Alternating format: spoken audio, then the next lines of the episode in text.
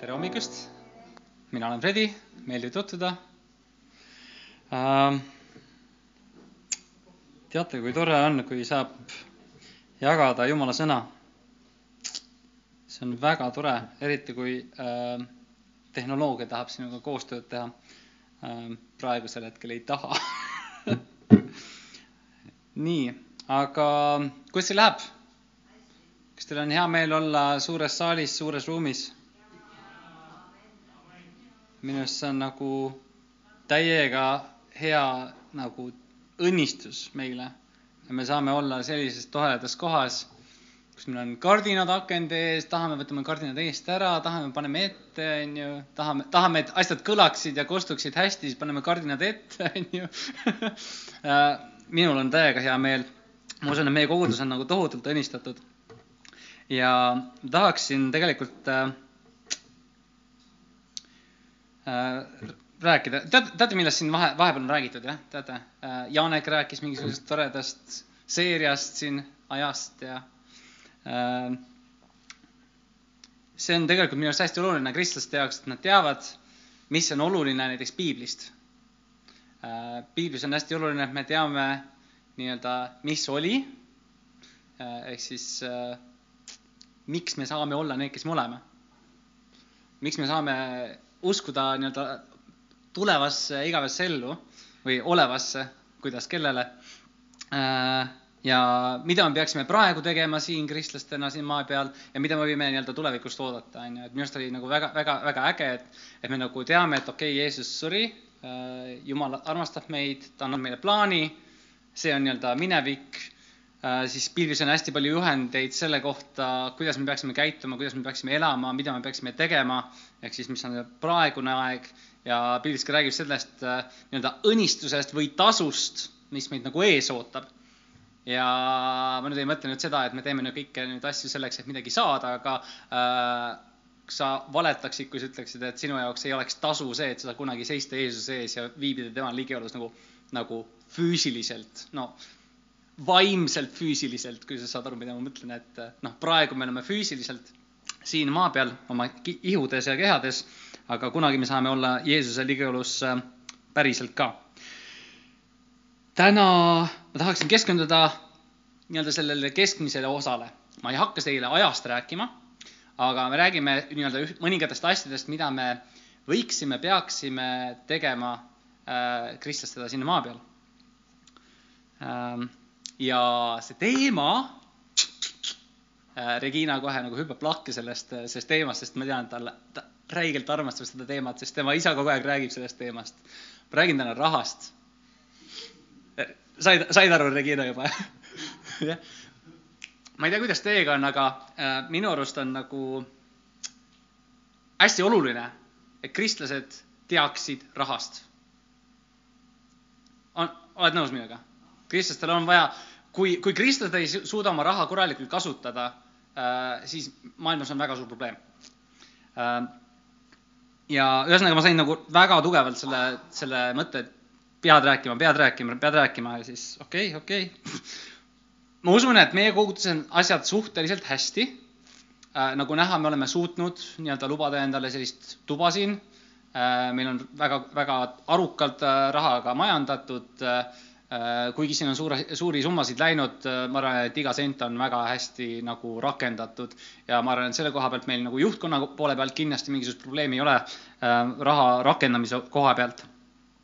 aga ma usun, et kui mina vajan nii-öelda julgustamist selles valdkonnas, siis ma usun, et teie vajate seda ka, vähemalt aeg-ajalt. ja veel üks selline disclaimer, teadmine Heigo ja Janek ei palunud mul seda teemat rääkida. et see ei olnud mingisugune special request, kuule Fredi äh,, äh, vaata, meil rahad hakkavad otsa saama, mine palun koguduse ette ja räägi rahast. ei, ma ei saa ise mingisugust raha selle eest, ma ei saa mingisugust palka selle eest, et, äh, et see on täiesti noh, minu enda algatusel äh,. okei okay,, ülemise korruse algatuselt, ütleme siis niimoodi aga et keegi ei palunud mul seda teha. ah? jaa, ei, mitte see, mitte need naabrid, mitte need naabrid. nii äh,, aga minu arust nii-öelda, kui rääkida selle nii-öelda võib-olla koguduse, ma ei tea, negatiivsematest külgedest, siis minu arust siin koguduses ei räägita piisavalt rahast. ma ei tea, ma olen võib-olla harjunud sellega, et iga pühapäev räägitakse, jah, ma olen selle, sellises äärmuses ka olnud, kus iga pühapäev räägitakse rahast äh,. minu arust siin räägitakse natukene liiga vähe, ehk siis me oleme nagu natukene teises äärmuses. Eks ma tahan julgustada ka juhte rääkima rohkem rahast. see on hästi oluline ja hästi praktiline teema ja kristlus tegelikult piibel on hästi praktiline raamat. piibel on hästi praktiline raamat. seal annab meile konkreetselt, see on täis tarkust, kuidas elada, mida teha, kuidas olla nii-öelda edukas ja ma ei mõtle nüüd selle, selles mõttes, et kuidas olla rikas, ei, edukas tähendab, et sul läheb hästi. see tähendab, sa käid õnnistusest õnnistusse. See on see, millest piibel räägib, et meie kristlastena peaksime käima õnnistuses, mille jaoks? selleks, et õnnistada teisi ja äh, äh, täpsemalt, mis ma rahast tahan rääkida, on kümnisest, sest äh, väga paljudel inimestel on, ma ütleks, väärarusaamad kümnisest ähm,. Mõned arvavad, et okei okay,, piibel käseb meil maksta kümnist, teised ütlevad, et ei, me oleme käsu alt vabaks tehtud, me ei pea maksma kümnist, et Uues Testamendis ei öelda, et sa pead maksma kümnist. jah Uues Testamendis minnakse mitu sammu kaugemale, et kui, kui Jeesus oma mäejutluses rääkis, et okei okay,, et et noh, mis on patt, on ju, et kui ma, kui ma juba vaatan mingi pilguga mingi naise poole ja himustan teda, siis see on juba patt, eks ju, ma olen pattu teinud. Ma ei, ei pea midagi füüsiliselt tegema selleks, et pattu astuda, on ju. see on ka nagu teine level, on ju. uues Testamendis rahvas räägib täpselt samamoodi, andke, andke nagu rohkelt, andke julgelt. Äh, Jeesus räägib sellest, kuidas üks lestnaine läheb, paneb korjanduskarpi need oma viimased sendid, mis tal üldse olid ja ütleb, et tema andis rohkem kui kõik muud seal nii-öelda pühakojas. ehk siis ei räägita ainult, oh, kümme protsenti, et nüüd sa pead lugema nagu kümme protsenti, kui sa annad vähem, kui sa annad rohkem, et siis on nagu pahasti ähm,. aga äh, ma usun, et matemaatikas te olete haritud, vähemalt enamus. mina olen ka, mul on peaaegu, peaaegu isegi gümnaasiumi matemaatika äh, selgeks, selgeks saadud, aga kümme protsenti tähendab kümme protsenti, on ju et kümme protsenti ei tähenda viis protsenti, kümme protsenti ei tähenda seitse protsenti, kümme protsenti ei tähenda ka viisteist protsenti ilmtingimata ähm,. Tahaksin teile lugeda natukene või rääkida natukene USA statistikast kristlikus äh, ringkonnas, sest äh, kahjuks äh, Eestis sellist väga mingit detailset statistikat või tõsiseltvõetavat statistikat selle koha pealt ei ole. aga USA-s, kus olgem ausad, seal on väga palju kristlasi selline keskmised arvud, mis ma erinevate nii-öelda uuringute kohta sain, oli see et, et viis protsenti kirikus käijatest maksavad kümnist. viis protsenti kirikus käijatest. ja, ja see, see, saad aru, mitte viis protsenti ameeriklastest, viis protsenti kirikus käijatest maksavad kümnist. on ju, okei okay,, seal on suuremad kirikud ja, ja kogudused, on ju Äh, arusaadav, on ju, äh, mõned on rikkamad, mõned on vaesemad, aga kui viis protsenti kirikus käijatest maksavad kümnist või annavad kümnist, see on nagu päris pahasti see ei ole isegi mitte kümme protsenti kirikus käijatest ei, ei, ei anna, ei anna seda. Äh, ja siis arvuliselt see oli, et umbes kahesaja neljakümne seitsmest miljonist USA nii-öelda elanikest umbes üks koma viis miljonit on neid siis, kes annavad nagu tegelikkuses ka kümnist. Ähm, äh, seitsekümmend protsenti neist, see on nüüd positiivne statistika, aga seitsekümmend protsenti neist annavad rohkem kui kümme protsenti, mis on siis nagu see Uue Testamendi pool, et me anname rohkem kui see, mida vara, vanasti nii-öelda nõuti.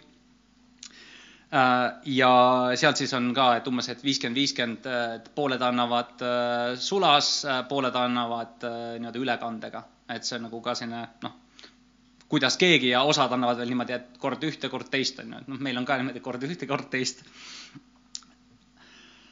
Aga statistika järgi, vähemalt selle statistika või nende statistikute järgi äh,, kristlased ei tee oma osa. ja see on nüüd okei okay, kaugel suure lombi taga, aga äh, Eestis kahjuks ei ole sellist statistikat ma ei tea, äh, USA-s on ju lausa selline kristlik kultuur. Eestis väga noh, mis kirikust räägitakse, oo, kirik on riigist lahus ja mis iganes, et, et kogudus, oh, kristlased, ah, neil pole mingit sõnaõigustki, on ju, et noh, kogudus Eestis on nagu väga maha surutud, võib öelda. ja, ja kui guugeldada, kusjuures Eestis nagu kas statistikat või kümnise kohta, siis pigem mida leiab, on täiesti seinast seina erinevaid arvamusi kümnisest. üsna palju öeldakse selle kohta, kuule, kümnist ei pea maksma, et see on mingisugune kirikupapp tahab raha, raha saada minu käest, on ju, lihtsalt, on ju, et et noh, nagu maailma inimesed ütlevad ka, kirikus lihtsalt tahetakse minu raha, on ju, tegelikult ei taheta. see kümnise andmine ei ole mitte ilmtingimata koguduse jaoks, kuigi see on osa sellest ja ma, ja ma kohe räägingi sellest. aga äh, väga palju eriarvamusi on Eestis, võib öelda selle koha pealt, väga palju vaidlemist äh,, aga hoopis teine asi on see, mida räägib piibel. ja selleks, et me nii-öelda saaksime natukene selgema pil-, äh, pilgu sellest teemast, siis ma tahan teile hästi palju lugeda piiblit nii et kes loeb kirjakohti, Fredi loeb kirjakohti täna ähm,. alustame nii-öelda klassikast äh,, Malakia kolmas peatükk ja kümnes salm. see on nüüd äh, kui võtta Vana Testamendi ja Uue, Uue Testamendi osa, siis see on nagu vi, Vana Testamendi viimane raamat ja seal on nii-öelda ajaline paus, et kuskil mingi viissada aastat enne seda, kui Jeesus tuli äh, maa või sündis maa peale siis umbes viissada aastat enne seda on kirjutatud see Malakia äh, kiri ja see sõnum on siis antud iisraellastele. ehk siis üks viimaseid asju, millest Vanas Testamendis räägitakse enne nii-öelda suure tõotuse täitumist, Jeesuse maailma tulemist, räägitakse rahast jällegist. ja Malakia kolm kümme ütleb, tooge kõik kümnis või kogu kümnis täies mõõdus vara aita, et mu kojas oleks toitu ja proovige mind ometi sellega, ütleb vägede isand. tõesti, ma avan teile taevaluugid ja kallan teile õnnistust küllusteni. nüüd sellest ma tahan rääkida nagu kahes jaos ehk siis tänase teema, kui panna sellised punktid, siis esimene punkt oleks see, et hästi lihtne, praktiline. Äh, kümnise eesmärk on Jumal, Jumala riigi töö finantseerimine. see on täiesti praktiline eesmärk, mille jaoks ta Jumalal on nii-öelda välja mõeldud äh, või siis loodud. Äh, Jumal kannab hoolt oma laste eest. amen jumal kannab hoolt oma laste eest, ta hoolib neist väga ja jumal tahab, et tema töötegijad ja nende eest kantaks hoolt. ehk siis jumala riigis on töötegijaid. Äh, jumal tahab, et nemad oleksid varustatud. Äh, nüüd Vanas Testamendis äh, olid noh, nii-öelda juudi suguharudes olid leviidid, kus siis tulid noh, kus olid põhimõtteliselt preestrid. leviidid oli nagu üks juudi, noh, põhimõtteliselt seal oli üks juudi suguharu kes olid lihtsalt trobikond preestrid. Äh, ja kui kümnes käsus räägib, et sa peaksid maksma nii-öelda, andma kümnist, on ju, või seal nii-öelda käskudes kõigest, mis räägib selle kümnise andmisest, siis seal on point selles, et kanda hoolt leviitide eest. et preestrid saaksid teha oma tööd. sellepärast vanas testamendis räägib, et sa pead, nii-öelda noh, juudid siis, pead andma kümnist või siis pead, pead maksma neile sest preestrid pidid täitma oma ülesandeid.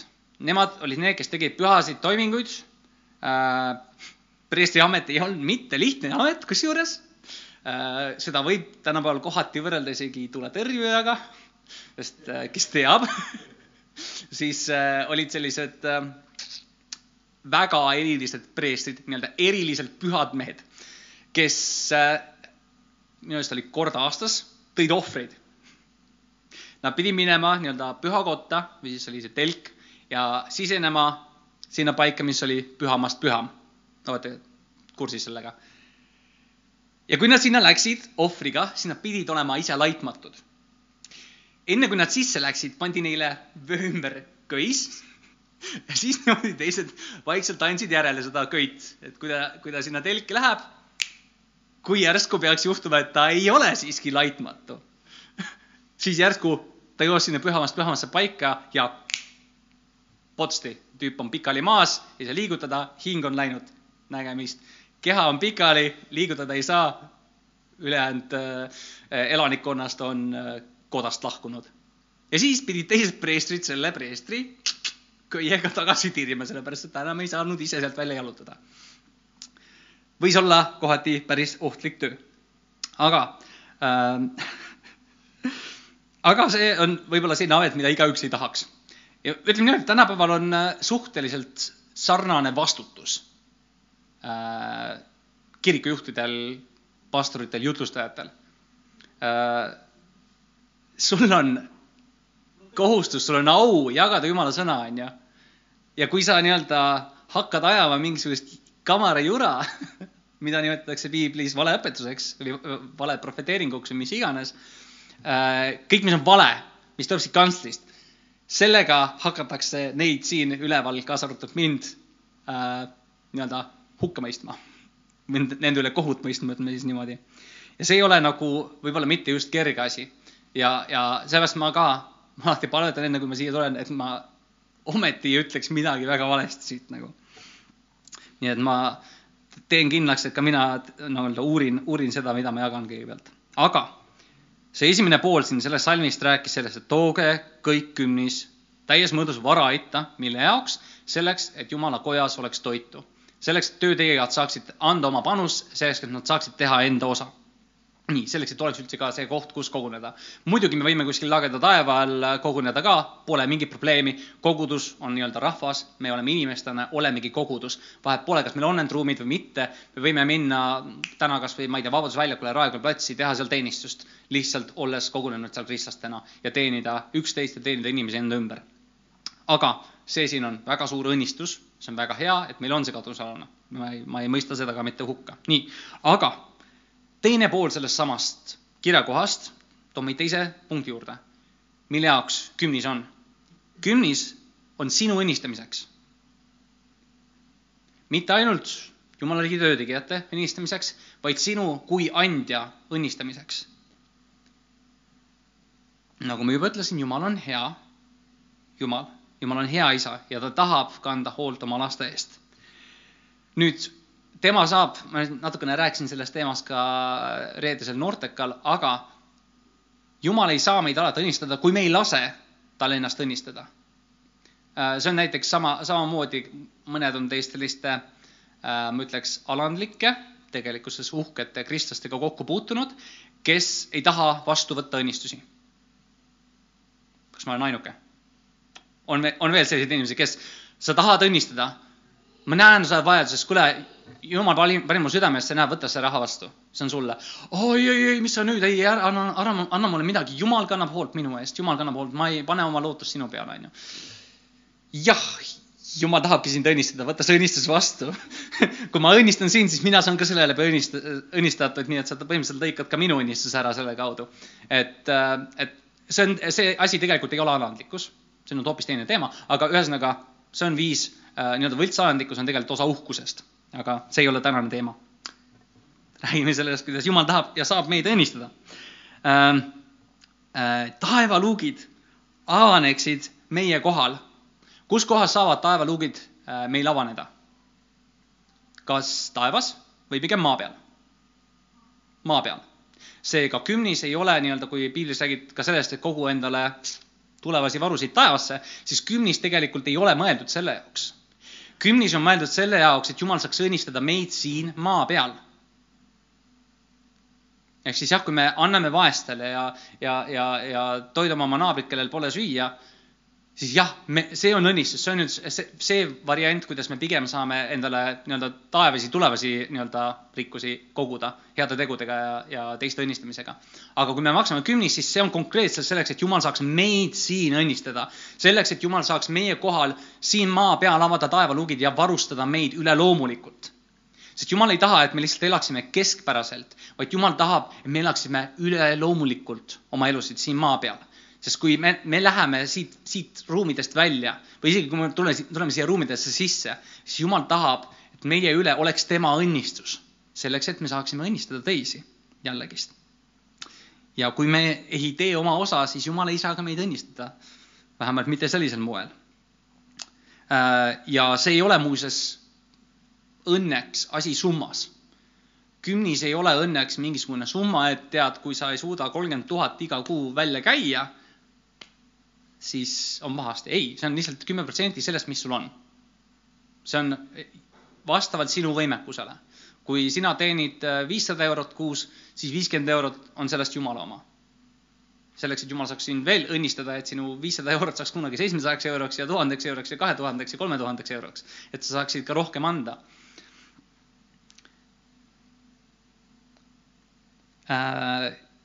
Nagu ma ütlesin, Jeesus ütles juba selle lesnaisi kohta, kes läks ja pani oma, tegi oma taskud tühjaks, ütles, et näed, tema andis rohkem kui kõik teised. ta ei andnud kümnist, ta andis kõik, mis tal oli, ta andis sada protsenti ja, ja ta, ma olen kindel, et ta sai ka selle, selle tõttu ja selle läbi sai õnnistatud. muidu ei oleks, ma arvan, et Jeesus muidu ei oleks seda nagu äh, toonud esile, sest see oli eestkuju, see oli eestkuju. Jeesus tõi ühe naise eeskujuks, see on ka üks selline controversial või siis vastuoluline teema võib-olla, mida kirikus rääkida, aga, aga, aga jah, Jumal armastab mehi, Jumal armastab naisi, kõik saavad teha ja täita tema tahet. nii, aga see on siis osa andmisest, on ju, me anname anname seda, mis Jumal meile paneb südamesse, äh, aga, aga seal on siis äh, vanas testamendis räägib rohkem siis kümnisest, uues testamendis rohkem andmisest. nii. Äh, aga jah, tulles siis selle seaduse ja nii-öelda muidu täitmise juurde. kolmandaks punktiks tahan rääkida sellest, et kümnis ei ole käsk. kümnis ei ole käsk tänapäeva maailmas künnis ei ole käsk. see on nüüd see, mis äh, nii-öelda tänapäeva kristlikud, kristlastest kriitikud ütlevad, et ahah, kuule, aga näed, künnis ei ole käsk, seega seda ei pea tegema. see on nüüd, sa võtad ühe asja, mis vastab tõele ja muudad selle täiesti äh, nii-öelda jumala sõna mõistes perversseks. sest jah, see ei ole käsk, aga see ei tähenda, et seda ei peaks tegema Äh, kohe loen teile äh, ette esimese Moosese raamatust ja esimene Moosese raamat, neliteist peatükk. Ja see on üks huvitav lugu, kohe nii-öelda piibli alguses, enne seadust, et te teaksite, see on enne seadust, enne seda, kui kümme käsku üldse eksisteerisid, enne kui Mooses sündis. Äh, ja see on seesama teema, mida ka tuuakse esile eeskujuna, näitena, näidisena Uues Testamendis.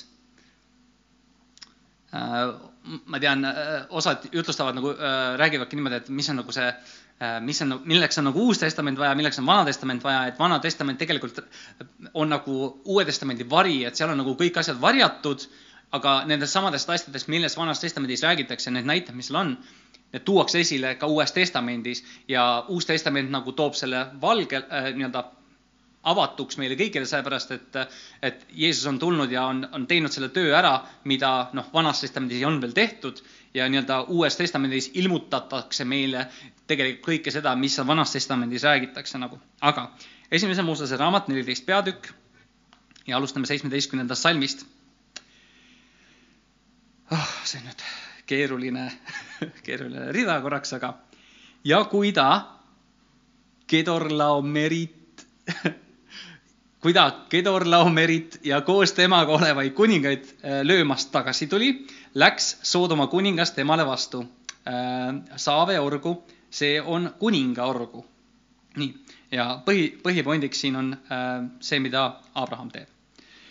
ja Melkiseedek, Saalemi kuningas, tõi leiba ja veini, see on muuseas üks väga huvitav võrdpilt jällegist üheks teiseks teemaks, aga tuleb Melkiseedek, toob leiba ja veini, kõlab kuidagi tuttavalt.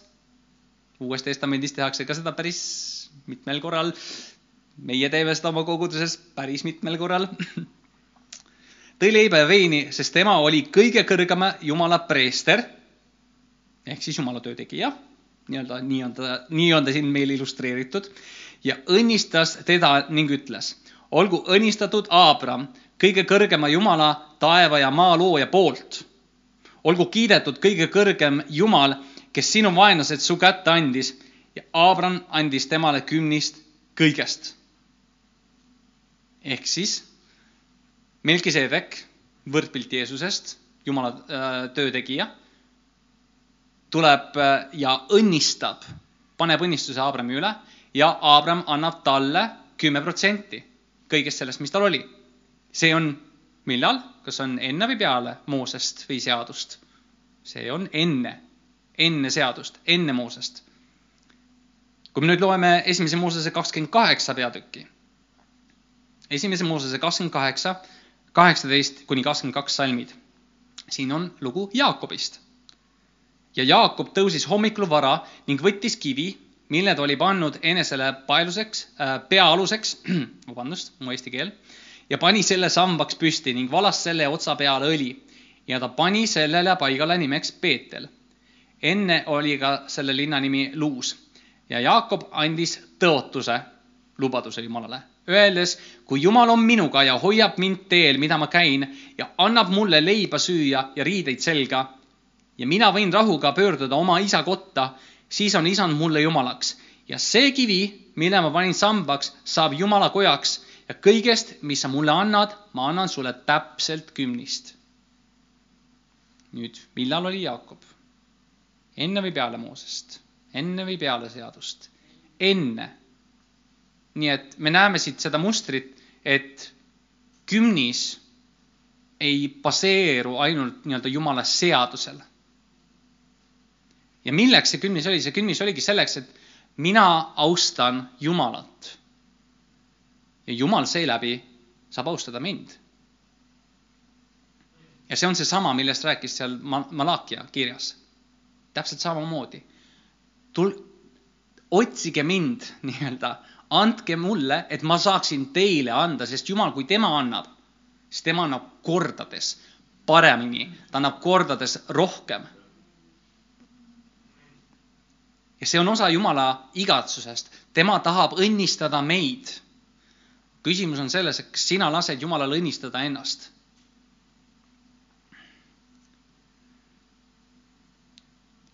Loeme nüüd kirjast heebrealastele, see on Uus Testament nüüd.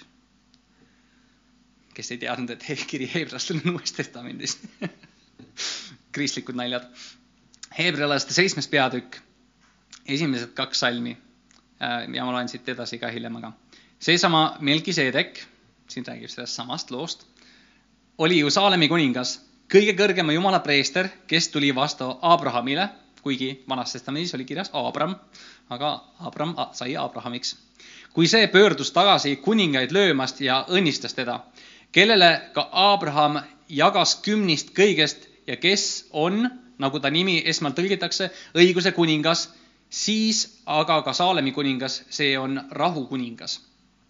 Äh, ja see selles samas jutus läheb edasi, äh, ma loen, tähendab edasi viiendast äh, salmist kuni kaheksanda salmini.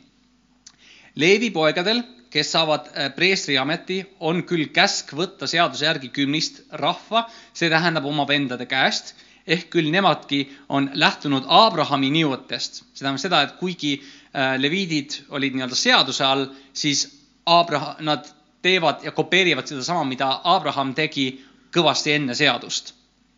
nii, seitsmendast salmist. Äh, vastuvaieldamatult on nii, et alam saab õnnistuse oota, ma hüppasin, jaa, äh, kuues salm jäi ka vahele. aga see, kelle sugu nende sekka ei arvata, võttis kümnist Abrahami käest ja õnnistas teda, kellel olid tõotused, ehk siis Abrahami. vastuvaieldamatult on nii, et alam saab õnnistuse ülemalt, aga kuula kaheksandat salmi. ja siin maa peal siis võtavad vastu kümnist surelikud inimesed, seal ehk siis hiljem taevas see, kellest tunnistatakse, et ta elab ehk siis kuigi sümboolselt, kui me käime koguses ja anname kümnist, siis me küll anname füüsiliselt nii-öelda inimestele, me anname füüsiliselt mingisugusele organisatsioonile, me anname füüsiliselt mingisugustele inimestele, kes selle vastu võtavad ja kasutavad seda, siis seesama, mida, seesama and, mida me anname siin maa peal, võetakse taevas vastu. võetakse taevas vastu. kelle poolt? Kuningate kuninga poolt Äh, üks lugu, mida ma jällegist noortekal jagasin, sest nagu kui sa ühte teemat jagad, siis teised tahavad paeluda sellega. Äh, meil oli reedel küll oli teema muretsemisest, aga, aga noh, raha on ka üks selline teema, mille pärast paljud muretsevad. Äh, tõin näite sellest, ähm, kuidas mina lapsena, lapsena õppisin kümnisest. Kes teab, üheksakümnendatel oli veel selline valuuta kasutusel nagu Eesti kroon olete, olete tead, teadlikud sellest? mina sain maksta kümnist Eesti kroonidest. ja see käis niimoodi, et äh, ma sain isa käest taskuraha äh, ja see käis niimoodi, et äh, kui isa kulutas oma raha siis, ma ei tea, alkoholi ostmisele, mis iganes ta tegi, vahest käis poes ja ostis süüa ka kui tal jäi üle, ühesõnaga see, mis tal alles jäi, sellest ta vaatas, ahah, mis nii-öelda tähe ja numbrimärgistused on äh, sellel rahatähel.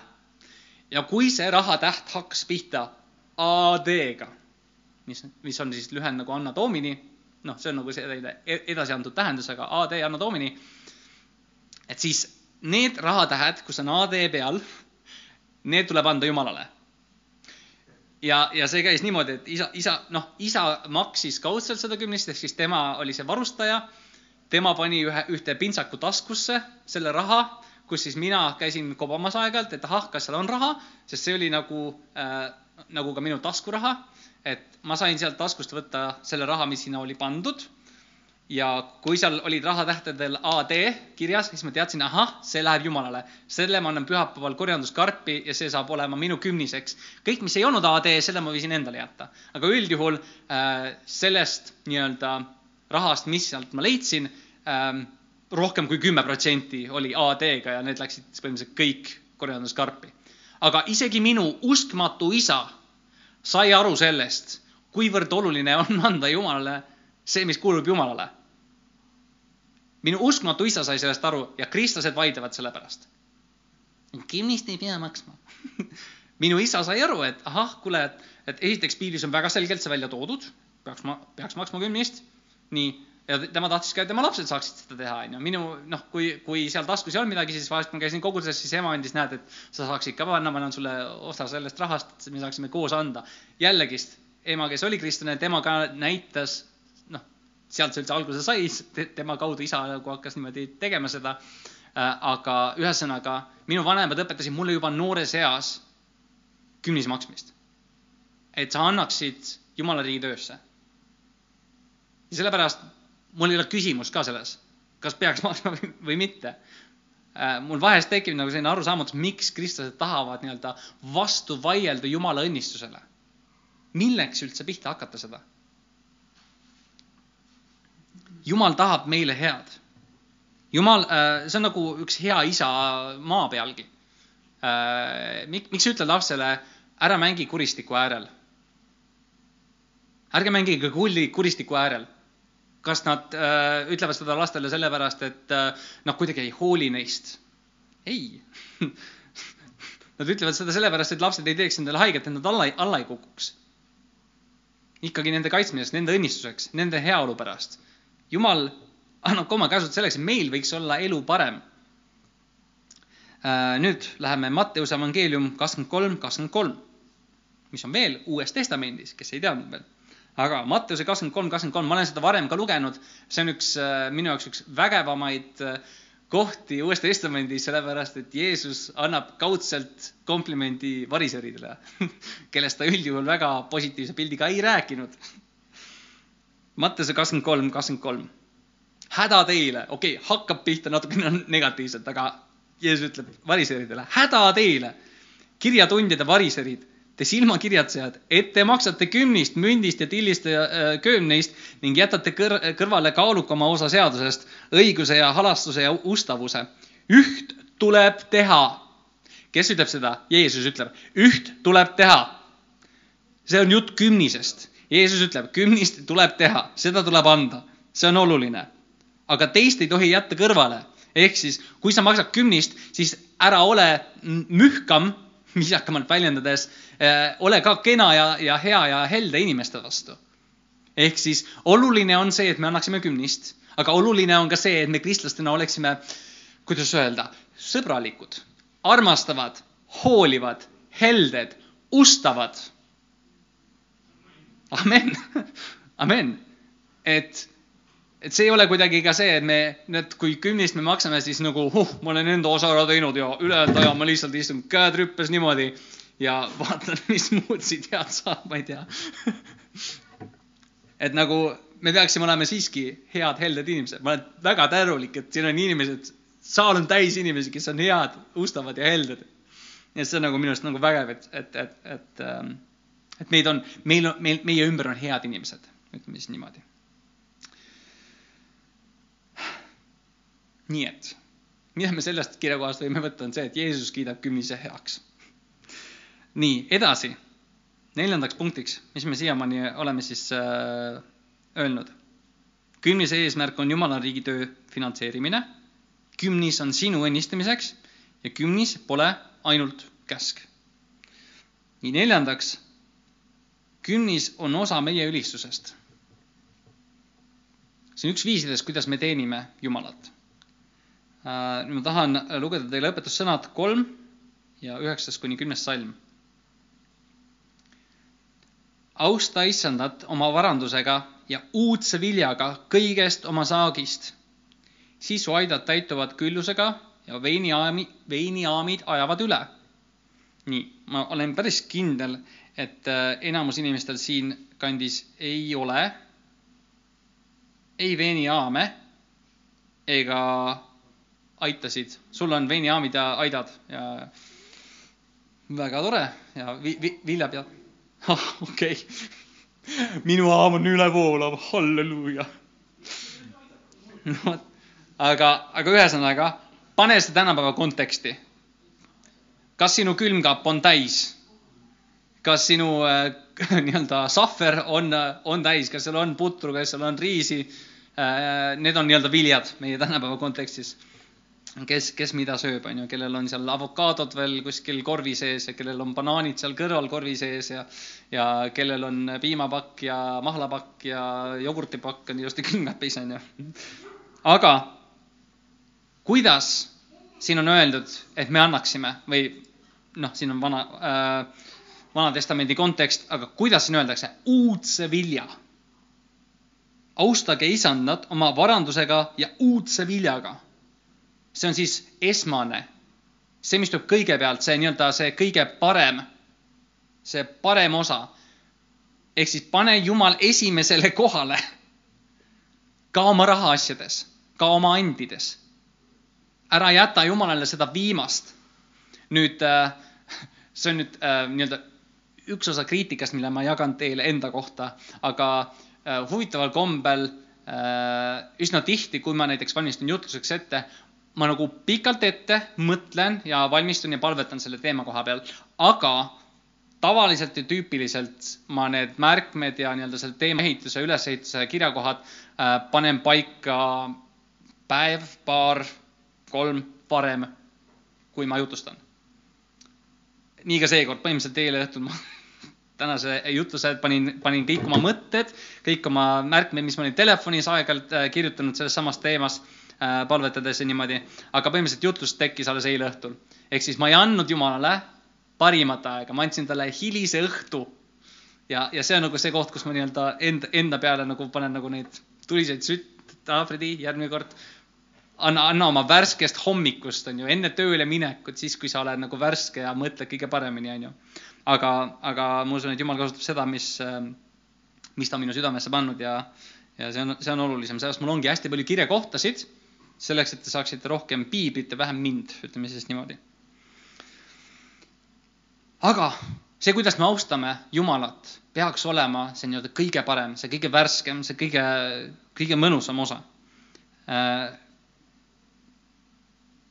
sest äh, kui me paneme, ma usun, et kui me paneme Jumala esimesele kohale oma rahaasjades samamoodi, mitte ainult oma nii-öelda palveelus, mitte ainult oma nii-öelda suhtlemis äh,, suhtlemise osas äh,, kui me paneme Jumala nagu igas eluvaldkonnas esimesele kohale, kaasa arvatud rahaasjades, kaasa arvatud oma suhetes, siis Jumal saab õnnistada seda rohkem.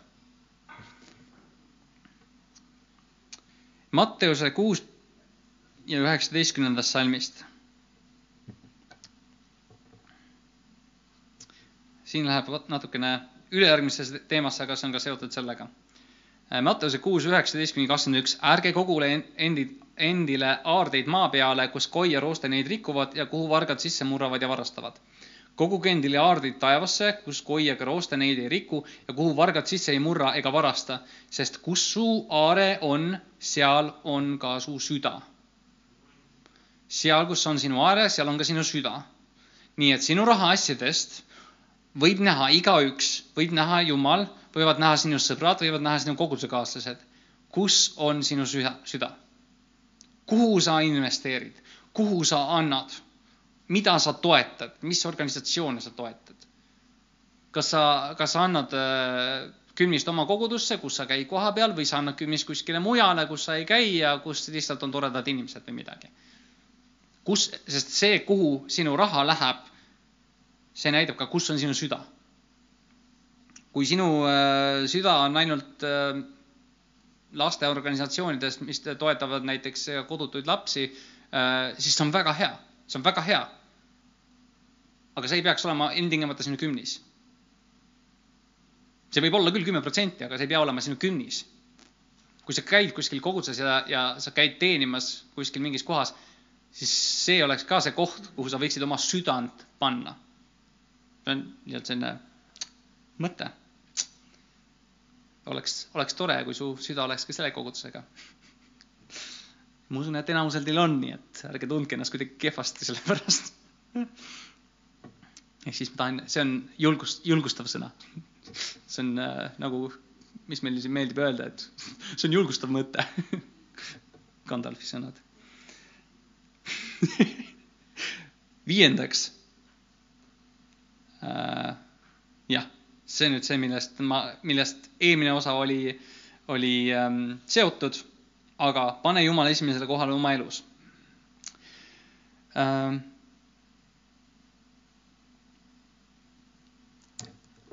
toon siinkohal selle võrdluspildi, et äh, enamus teist teavad, ma olen abielus.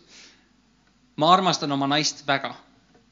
Ja nagu siin oli ka äh, eelmises kirjakohas, rääkis sellest, et ah, seal, kus sa oma raha paned, seal on ka sinu süda äh,. minu süda on vägagi oma naisega ja ma annan talle raha, kui tal on vaja, ma ostan talle asju, teen talle kingitusi.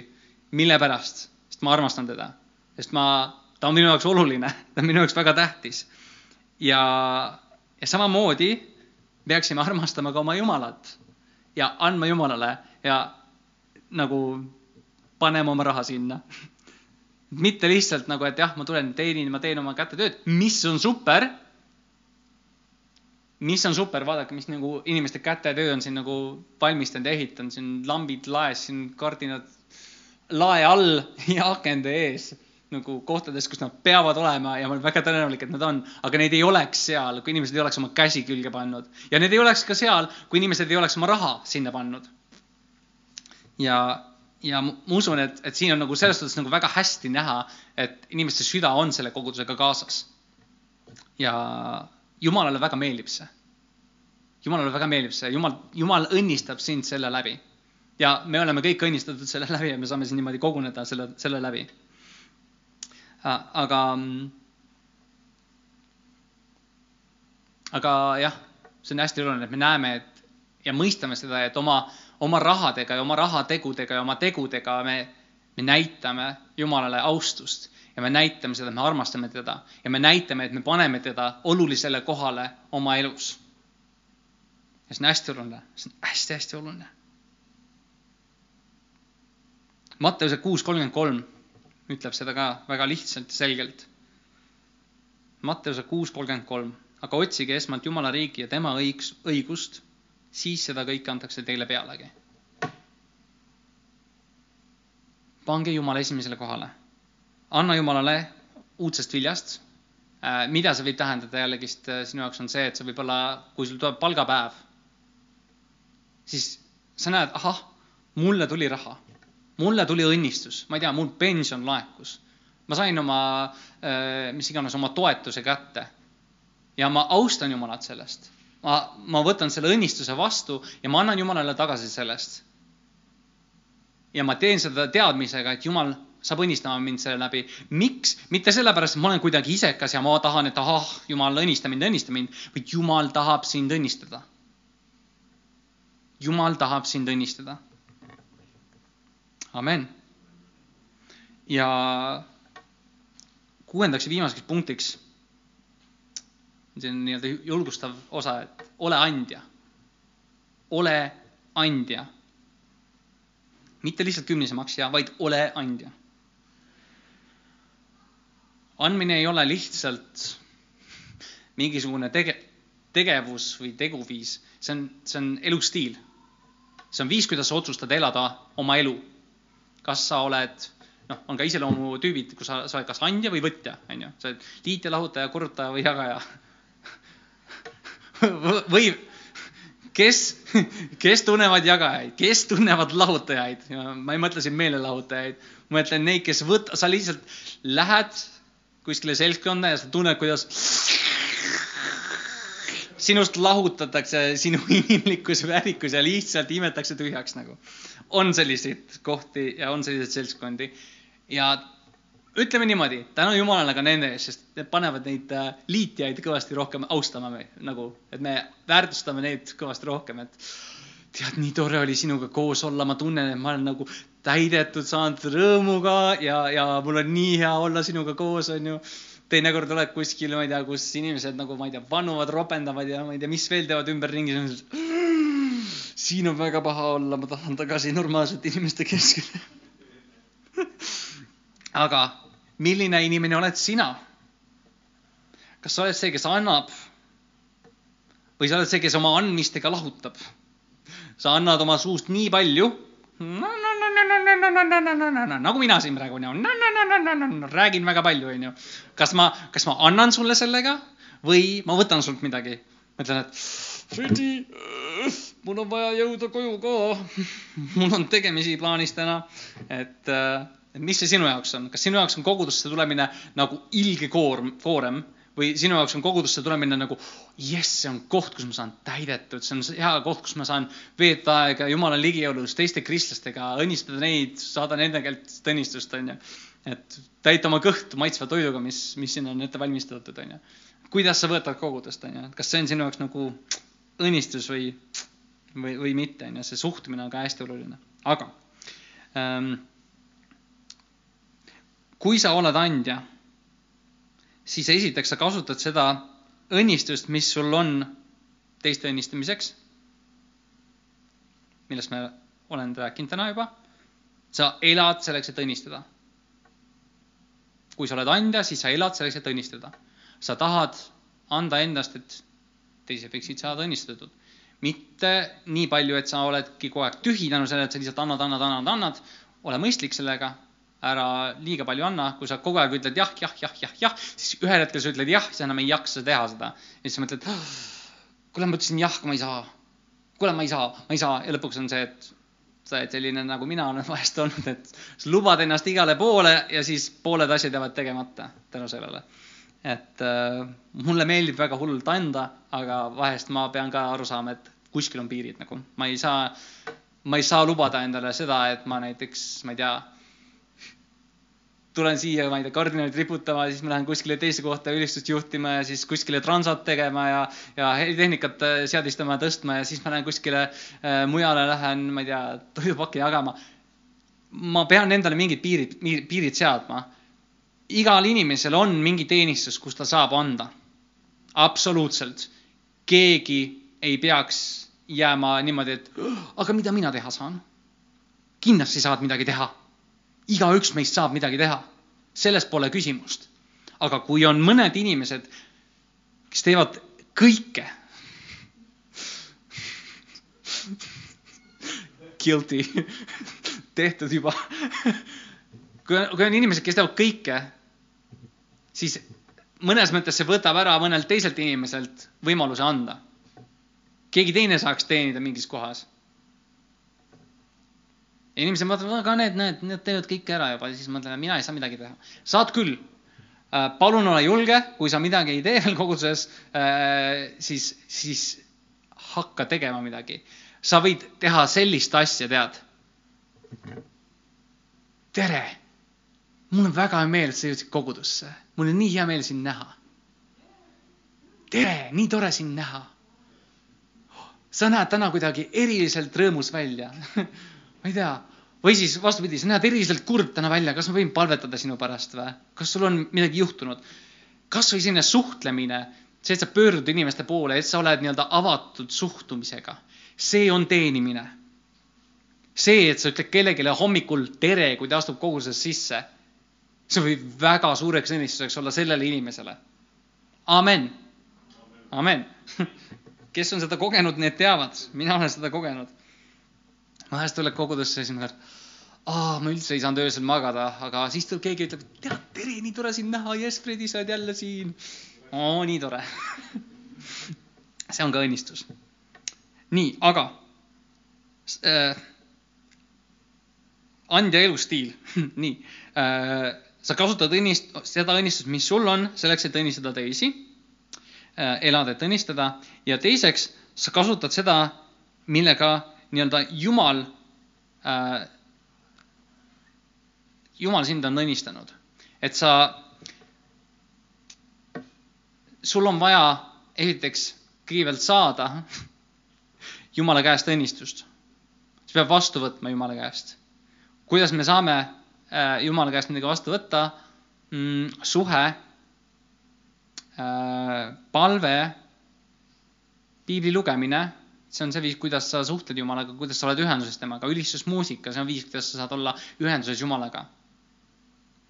sa saad täidetud Jumala poolt, siis sa saad elada andjana, sa saad minna õnnistada teisi. kui sa käid igal pool ringi morni näoga, siis sa ei anna midagi positiivset, ütleme niimoodi, see ei ole õnnistus, mida sa annad. Aga sul on vaja vastu võtta õnnistust Jumala käest. mitte kuidagi hukkamõist või midagi sellist või mõtlema, et appikene, aga, aga ma ei tee seda, ma ei veeda aega Jumalaga. tead, kunagi ei ole liiga hilja kunagi ei ole liiga hilja.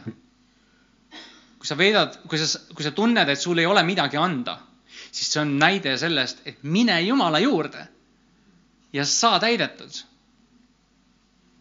Mine Jumala juurde, saa täidetud, siis sul on midagi anda ja kui sa annad endast välja seda, mis Jumal on sinu sisse pannud, olgu need annid, olgu see laulmine, olgu see pilli mängimine, olgu see helitehnika, ma ei tea, nuppude lükkamine, keeramine Äh, olgu see heli vormimine, olgu see, ma ei tea, põranda pesemine, vetsupoti küürimine, äh, kohvimasina, ma ei tea, sodist tühjaks tegemine.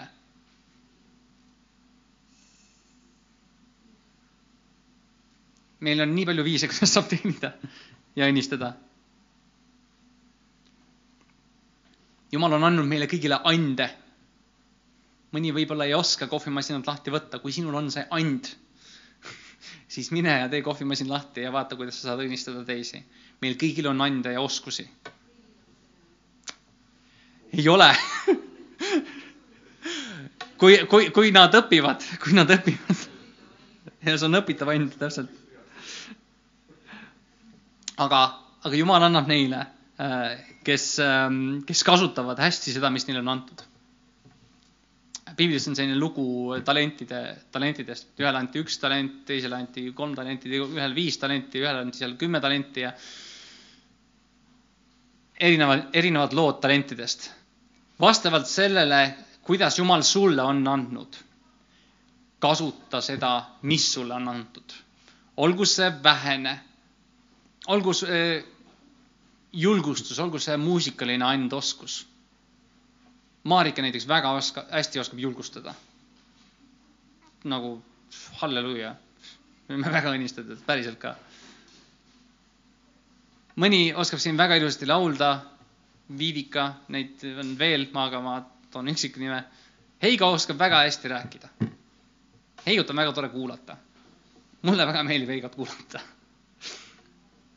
Meil kõigil on annid, mida me saame kasutada. Äh, Sulevile on väga tore karata.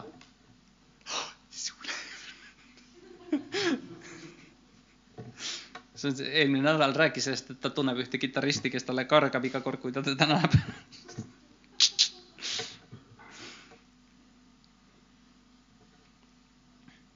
Ja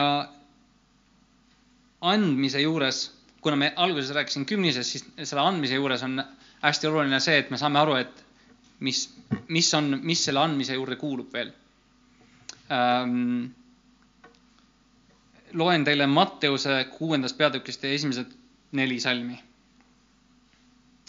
sest Uues Testamendis räägib väga mitmest erinevast viisist, kuidas anda. räägib küünisest, räägib andmisest, niisama andmisest, räägib almustest, on ju, räägib vaeste õnnistamisest, on ju. väga paljud äh, erinevaid viise äh,, kuidas anda. aga Matteuse kuus, üks kuni neli. Jeesus räägib. hoiduge aga, et te oma vagasid tegusid ei tee inimeste ees, et nemad teid vaataksid. muidu ei ole teil palka oma isalt, kes on taevas. kui sa nüüd almuseid jagad, siis ära lase enese ähm, ees pasunat puhuda, nii nagu silmakirjad teevad seda sünagoogides ja tänavatel, et inimesed neid ülistaksid. Äh, tõesti, ma ütlen teile, neil on oma, on oma palk käes. sina aga, kui sa oma almust jagad, siis ärgu su vasak käsi teadku, mida su parem käsi teeb. et su almus oleks varjatud ja su isa, kes näeb varjatutki, tasub sulle. ehk siis ära ole see oh, kas sa nägid, mida, tead, nägid, nägin tänaval seda kodutut ja siis ma läksin sinna tema juurde ja saad aru, mul oli rahakotis oli kahesaja eurone, kahesaja euro, oled sa näinud kahesaja eurost või? ei ole või? mul oli kahesaja eurone oli rahakotis, ma läksin tema juurde, ütlesin, et näed, palun, jumal tahab sind õnnistada ei, ma ei teinud seda, see ei olnud mina aga sellises olukorras seda, seda nii-öelda jagades niimoodi, jah, su palk on käes inimesed mõtlevad, vau, tal oli kahesaja eurone suhku, super, ta on ikka nii helde andja. nagu, see on see, mida Jeesus räägib. et ta ei ütle siin, et kui sa kümnist annad, siis seda ei tohiks keegi näha et nagu, äh, et kui Heigo tuleb siia ette, ütleb, et ja nüüd on äh, kümnise või siis võimalus anda, onju, siis me paneme tulekust ja siis mingi pimedas kuvame, mingi võtame rahakotist mingisuguse suvalise paberi välja, onju, paneme mingi poe tšeki, paneme kuskile korvi sisse. ei, see ei ole see, millest siin räägib. kümnist me võime anda vabalt, julgelt, teadmisega, see on niikuinii Jumala oma las inimesed näevad seda, et sa annad Jumalale, mis kuulub Jumalale, onju. selle vastu pole mingit probleemi, aga kui sa mingi aitad vaeseid või mingi noh, selles suhtes äh, jällegi see Toidupanga teema on nagu väga äge. me, me keegi ei pane raha, me läheme sinna teenima lihtsalt. see on viis, kuidas me anname ennast ja, ja, ja me teenime inimesi ja me julgustame teisi ka. Läheme teenime koos, onju. aga kui, kui sul tuleb näiteks poes keegi sinu juurde, ütleb, kuule, et mul mul on pere näljas, mul ei ole midagi süüa, onju küsib raha sulle. Äh, mina üldjuhul sellises olukorras raha ei anna, ma olen läinud küll poodi ja ostnud toiduvarustust äh, sellistes olukordades, aga minu reegel on see, et alkoholi kindlasti mitte. alkohol no, isegi kui on vaja viinasokke teha, ei viina ma sulle ei osta siis nagu apteegist on muid alternatiive, mida sa võid osta selle jaoks, on ju, kui on vaja külmetusravi teha, on ju. aga alkoholi ma ei osta, aga küll või muid asju et kuidas sina reageerid sellistes olukordades ja kas sa nii-öelda lähed kuulutama neid? et kuule, tead, eelmine nädal selline ja selline, vaata. see on see, millest siin räägib. kui sa aitad kedagi, siis tee seda oma olemusest, tee seda sellepärast, et sa oled andja.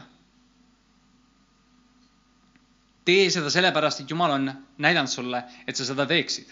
mitte igaüks, kes sinu käest raha küsib, sa ei peaks talle andma. on olukordi, kus sa võid inimesele raha anda absoluutselt, see on, see on äh, õige asi, mida võib teha.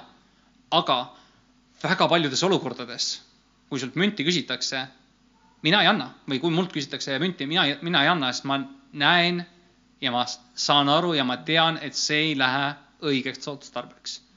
ja see, mida mina teen oma rahaga, isegi kui ma annan kellelegi mingi väärteo eh, nagu korda saatmiseks, siis ma nii-öelda toetan seda tegevust ma olen toetanud oma rahaga seda tegevust. ja ma ei taha seda. ma, sa võid osta toitu. jaa, kõht on tühi. see on äh, tegevus, mille, millesse ma võin investeerida. aga kui sul on vaja nii-öelda mineviku unustamisse investeerida või oleviku unustamisse investeerida äh, mingisuguste ainete tarvitamiseks, siis sorry, see jääb ära.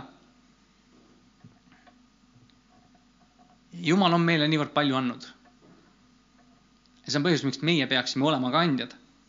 ta on andnud meile oma poja Jeesuse, ta on andnud meile püha vaimu rikkalikult. meil on igavene elu, mida me saaksime ja peaksime jagama teiste inimestega. meil on see ühendus temaga, üleloomulik ühendus püha vaimu läbi. tundma õppida Jumalat. kui, kui sa loed piiblit ilma püha vaimuta, sa võid sama hästi lugeda Harry Potterit. kui sul ei ole püha vaimu ja ma ei tee nalja mitte siin. sa võid lugeda piiblit ja see võib olla täpselt sama hea kui Harry Potteri lugemine, mis nagu ei ole ilmtingimata selline raamat, mida kristla-, kristlased väga propageeriks. aga kui sa loed piiblit ilma püha vaimuta, see võib täpselt samasugune tegevus olla. lihtsalt mingisuguse raamatu lugemine. aga kui sa loed püha vaimuga, siis see on viis, kuidas Jumal avab enda sõna sulle. Jumal on meile nii palju andnud meil on vaja tarkust selles, kuidas me elame ja kuidas me kasutame oma raha. kuidas me kasutame neid ande, mis Jumal on meile andnud. et me ei laseks neil lihtsalt raisku minna, et me ei laseks neil nii-öelda roiskuda. Jumal tahab, et kui tema on sulle midagi andnud, et sa kasutaksid seda vastavalt otstarbele. ja lõppeks tahan lugeda teile julgustuseks Luuka evangeeliumi kuuendast peatükist ja kolmekümne kaheksandat salmi andke ja teile antakse. hea, tihedaks vajutatud, raputatud, kuhjaga mõõt antakse teie rüppe, sest selle mõõda, mõõduga, millega teie mõõdate, mõõdetakse teile tagasi. ehk siis see viis, kuidas sina annad, kuidas annad endast, kuidas annad enda raha, kuidas annad oma aega, samamoodi antakse ka sulle tagasi. kas sa pühendud nendes tegevustes, mida sa teed. kas sa oled pühendunud, kas sa oled ustav andja, kas sa oled ustav kümnisemaksja või andja? sest noh, jällegist on ju kümnise andmine või maksmine, see oleneb perspektiivist. sa maksad kümnist, kui sa teed seda kohustusest, sa annad kümnist, kui sa tead, milleks see on. See, kuidas sina annad ja see, mida sina annad, seda antakse sulle tagasi ja mitte vähe, vaid kuhjaga. kui sina annad negatiivsust, siis sa lõikad seda negatiivsust. kui sa annad naeratuse, siis sa saad kümme naeratust. kui sa annad sõbraliku suhtumise, siis sa saad lõigata seda sõbralikku suhtumist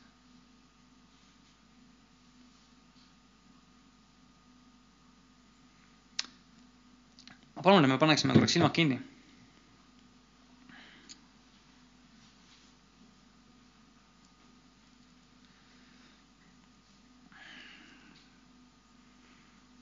kallis taevane isa, me tuleme sinu ette Jeesuse nimel. me täname sind selle eest, mis sina oled teinud meie eludes.